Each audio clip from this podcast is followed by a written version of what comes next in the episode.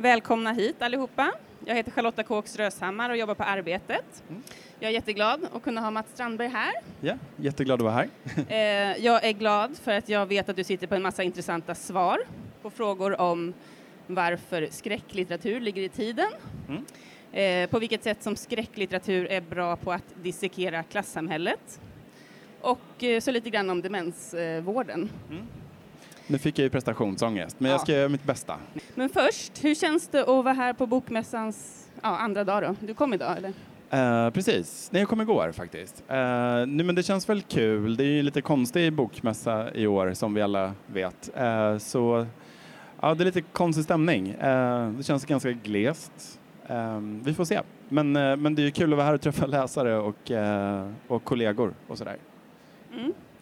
Och du debuterade med en relationsroman och sen slog Ja. du igenom stort med Engelfors-trilogin. Ja. Eh, som började med Cirkeln och den som du skrev med eh, Sara Bergman Elfgren. Ja.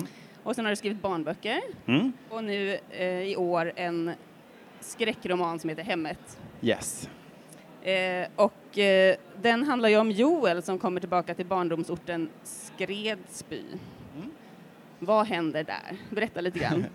Eh, nej men huvudpersonen Joel är ungefär i min ålder, 40, och han, eh, man kan väl nästan säga att han flydde hemstaden hals över huvud för att eh, flytta till Stockholm och försöka uppfylla sina drömmar med inte så här jättelyckat resultat. Så eh, att han kommer tillbaka till sin gamla hemstad innebär också att han måste möta eh, gamla demoner eh, innan ens skräcken har dragit igång. Ehm, han ska hjälpa sin mamma in på ett demensboende som heter Tallskuggan. Eh, och så titeln Hemmet har lite dubbel betydelse faktiskt. För att det är både då det här demensboendet men det är också eh, Joel måste ju packa ihop sitt barndomshem helt enkelt och städa undan och sälja. Eh, han har en bror också som, som är väldigt, eh, håller sig borta så att han får liksom ta hela det här ansvaret. Så, eh, så han, han är ena huvudpersonen och sen hans gamla barndomsvän en tjej som heter Nina jobbar på det här demensboendet och de hade en väldigt, väldigt stor och infekterad konflikt och det var en av anledningarna till att han flyttade till Stockholm på egen hand helt enkelt. Så nu tvingas de liksom samman genom det här som händer på hemmet.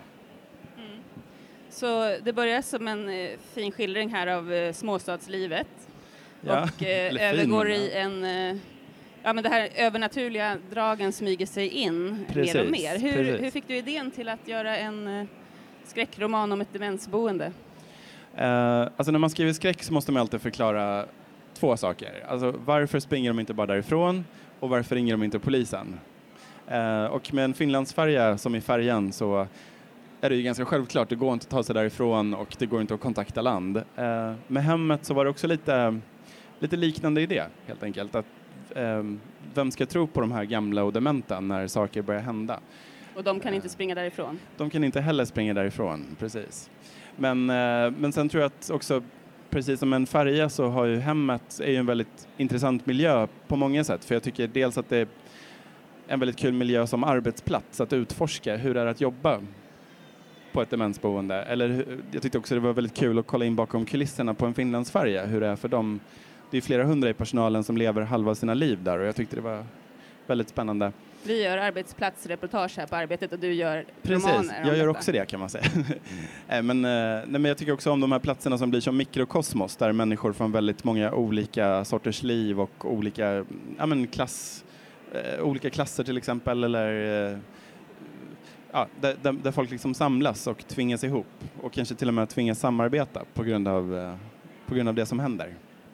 Jag tänker mycket på åldern som den stora utjämnare i en, sån, i en sån här liten stad där det bara finns ett hem av den här sorten. Att liksom, där spelar det verkligen ingen roll vem du har varit tidigare, det är ändå där du hamnar. Liksom. Mm. Eh, och apropå det här övernaturliga bara igen så, Mm. så, så tänkte du så här, någonstans måste det liksom börja märkas att det som händer, för i ett sånt här hem så händer det ju lite saker med kanske folk rör sig lite konstigt, det knäpper kanske i någon käke. Ja, precis. Liksom, det kan börja bli en övernaturlig känsla, men så tänkte du att eh, när du skrev det här så tänkte du nu måste folk förstå att det här handlar om övernaturligt. Ja. Kommer Alltså, du ihåg eh, munnen spärras upp i ett tyst skrik när kroppen böjs bakåt i en båge och börjar skaka. Mm. Men så ringde du en läkare. Ja, precis. Alltså med, det var ju så, så, färjan är väldigt mycket mer en actionhistoria och väldigt mycket liksom det är väldigt tydligt att det är monster på en finlandsfärja. Det finns inte så mycket tid för eftertanke, det gäller bara att överleva. Men på hemmet är det en mycket mer kuslig sorts skräck som inte är lika mm, konkret. Eh, så det var, det var svårt på det sättet att eh, avgöra när kommer punkten där folk måste verkligen ta det här stora steget och faktiskt börja tänka att det kanske är någonting övernaturligt som händer. Och det som hände just när jag skrev den här sortens scener som ju verkligen kan påminna om Exorcisten nästan. Eh, så vad, vad jag än skrev kändes det som så, och skickade in till mina läkarvänner då som hjälpte mig med research så var, liksom, vad det än var så var svaret alltid att ah, men sånt händer hela tiden och då blir det en stesolid klicks och så får man hoppas på det bästa. Så du fick liksom fortsätta för att det skulle verkligen bli... Ja, precis. Vad var det? Nej, det ska vi inte avslöja. Det ska vi inte avslöja. men det var ju som... väldigt... Um, det var, jag tror inte jag intervjuade någon som jobbar på ett hem som inte tror på spöken, kan jag säga. Det, det verkar de flesta göra. Det händer mycket grejer på de här ställena. För ja, när du gjorde det här så tänkte du först att, uh, att göra research till ett, en sån här bok kanske skulle bli ganska deppig och ja, ja, du hade kanske en för, en fördom om hur det var att jobba inom vården? Ja, men absolut. Nej, men alltså, det har väl också att göra med att eh, det är nästan bara i de sammanhangen som vi läser om äldrevården. Det är när det är kris och liksom dåliga saker som måste åtgärdas, vilket det finns massor av såklart. Men det finns också väldigt mycket, eh, jag varit väldigt jag hade så väldigt mycket fina möten under min research och när jag intervjuade folk som jobbar, och fick jag studiebesök på några hem och sådär. Så så det blev nästan tvärtom. Jag, jag, jag, blev mindre rädd för att bli gammal av att skriva den här boken. Mm, för dem, du, var, du, sa någonting om att eh, var, innan var, var, du liksom orolig för hur är det här med att byta blöjor på äldre till exempel, att det kanske skulle vara lite äckligt eller så. Men, ja, men jag eh, tänkte liksom på, jag tänkte väl på allt möjligt, men absolut, alltså just att det är så mycket unga människor som bara liksom passerar över en sommar eller sådär och timanställda. Men men av de som jag träffade så var jag så otroligt impad av hur mycket um, hur engagerade de är och hur, um, hur mycket de bryr sig om de gamla och hur mycket um, vilken så otroligt in, jag tyckte det var väldigt spännande att följa den här väldigt intuitiva känslan i hur man pratar med de gamla för att inte stressa upp dem. Alltså om, om, om jag hela tiden skulle ifrågasätta precis allt du sa så skulle du bli jättestressad och det är likadant med en dement förstås. Uh, att man istället försöker följa med och leda dem rätt och försöka undvika att ge dem dödsbesked hela tiden ifall de har glömt bort att deras nära och kära har gått bort och sånt där. Den biten tyckte jag var jättespännande att följa. För det handlar mer om hur de som bor där, att de ska känna sig trygga också? Ja, liksom, precis. Och där, där handlar det om saker som blöjbyte och sånt där som kanske är lätt att tänka för mig. Uh, att, ja, men, men, att liksom, där handlar det så mycket mer om att, in, ja, men att det är en utsatt situation för den gamla och att det är det som är det viktiga, att de inte mår dåligt av det. Mm. Och när du gjorde researchen så berättade du för mig tidigare att du hade ju väldigt många människor i din närhet som hade jobbat inom vården mm. och att du fick liksom finare relationer till tidigare vänner för att du faktiskt ställde de här följdfrågorna om hur det är att jobba inom vården. Ja, men exakt. Alltså, vi har, det är många konstnärer och författare och eh, folk med kreativa jobb helt enkelt som, som måste försörja sig på andra sätt. Eh, och då är de, att jobba på de här hemmen är ju ett ganska vanligt sätt. Så, så jag, jag hade ju fler än vad jag hade insett från början som jag faktiskt kunde intervjua och prata med om, deras, om den delen av deras vardag och vilka de var i den rollen så att säga. Så det var, det var väldigt kul. Jag fick en väldigt, väldigt mycket nya bilder av folk jag har känt länge. Så det är ett tips, fråga lite mer om vad ja, era precis. vänner gör på jobbet. Exakt. eh, ja, du kom in lite grann på det tidigare med Färjan, den förra romanen, skräckromanen då. Mm. Eh, just det här med klassamhället i miniatyr, att du har fångat mm. liksom en färja, där finns det, vad, vad har man för hytt? Eh, har man en fin hytt? Har man en mindre fin hytt? Eller, eh, och även i personalen är det väldigt tydligt med hur många streck på kavajen och sånt där. Eh, det är en väldigt tydlig hierarki. Så det är lite Titanic.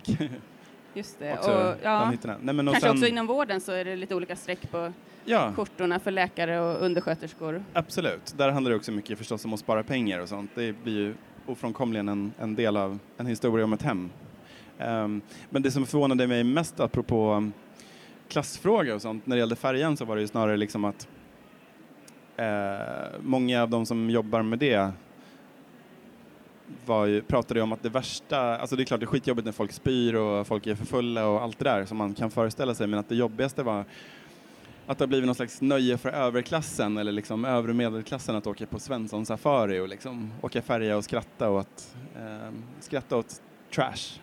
Och att, att det var det de flesta nämnde faktiskt som något Det är jobbigt. ganska förfärligt, Det är, ja, absolut.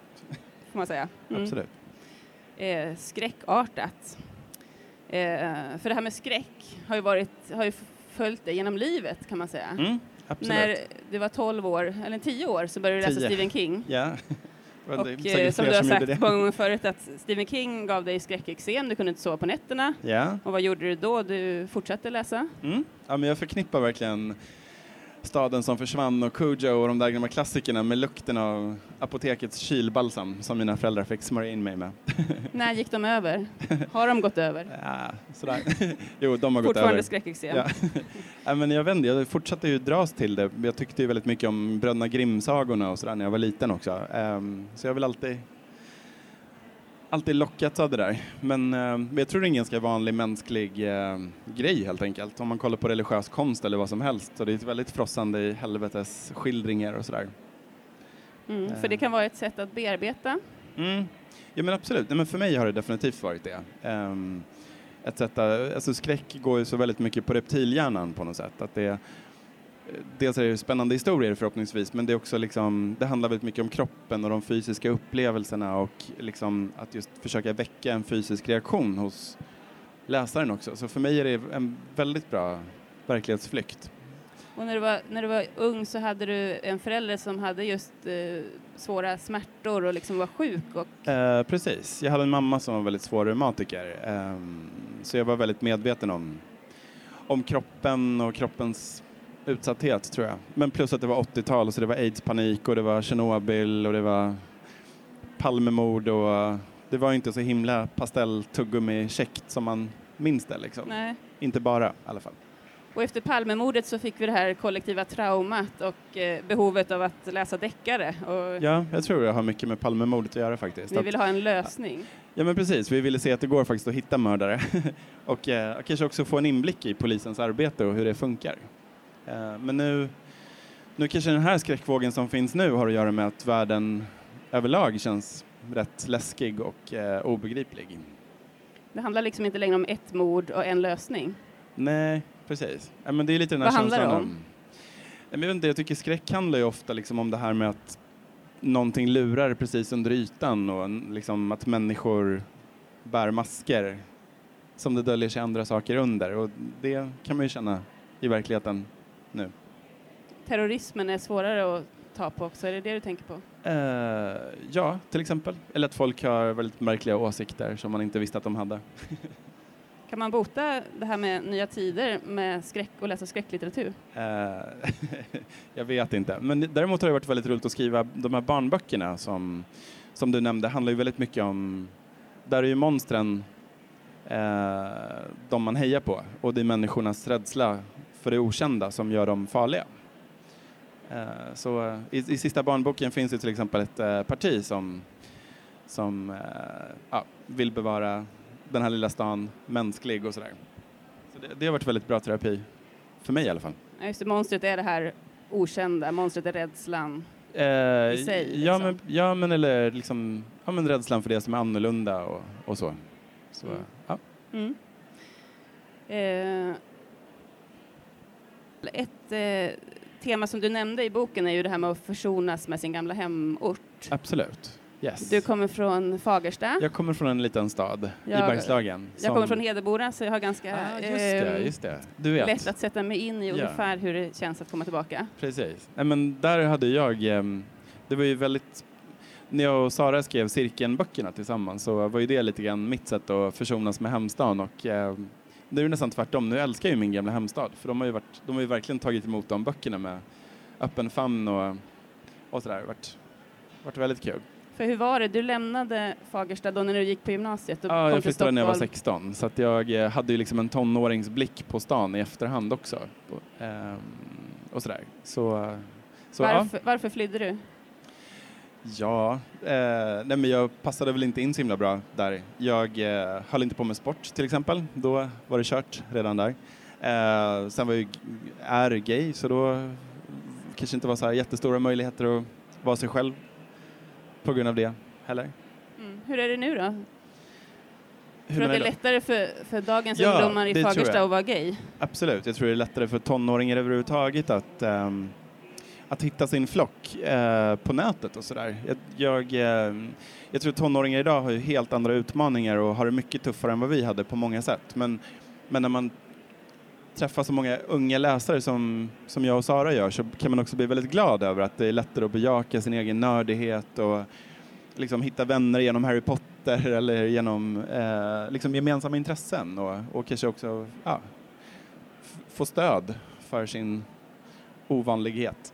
På alla Hur var det sätt. och, och liksom, hittade du din skräckflock när du var ung? Eller de som Alltså, läste samma typer av Men jag gillade, litteratur? jag gillade ju väldigt mycket att kolla på skräck eftersom jag växte upp under den här videovåldspaniken så att det var ju väldigt, så här, kolla på skräck ihop var ju väldigt laddat och väldigt kul och väldigt förbjudet och liksom man skickade runt VHS-kassetter på skolgården, någon hade spelat in från Filmnet och sen hade någon kopierat den videon och så, och så kollar man ihop och det är, väl, det är någonting väldigt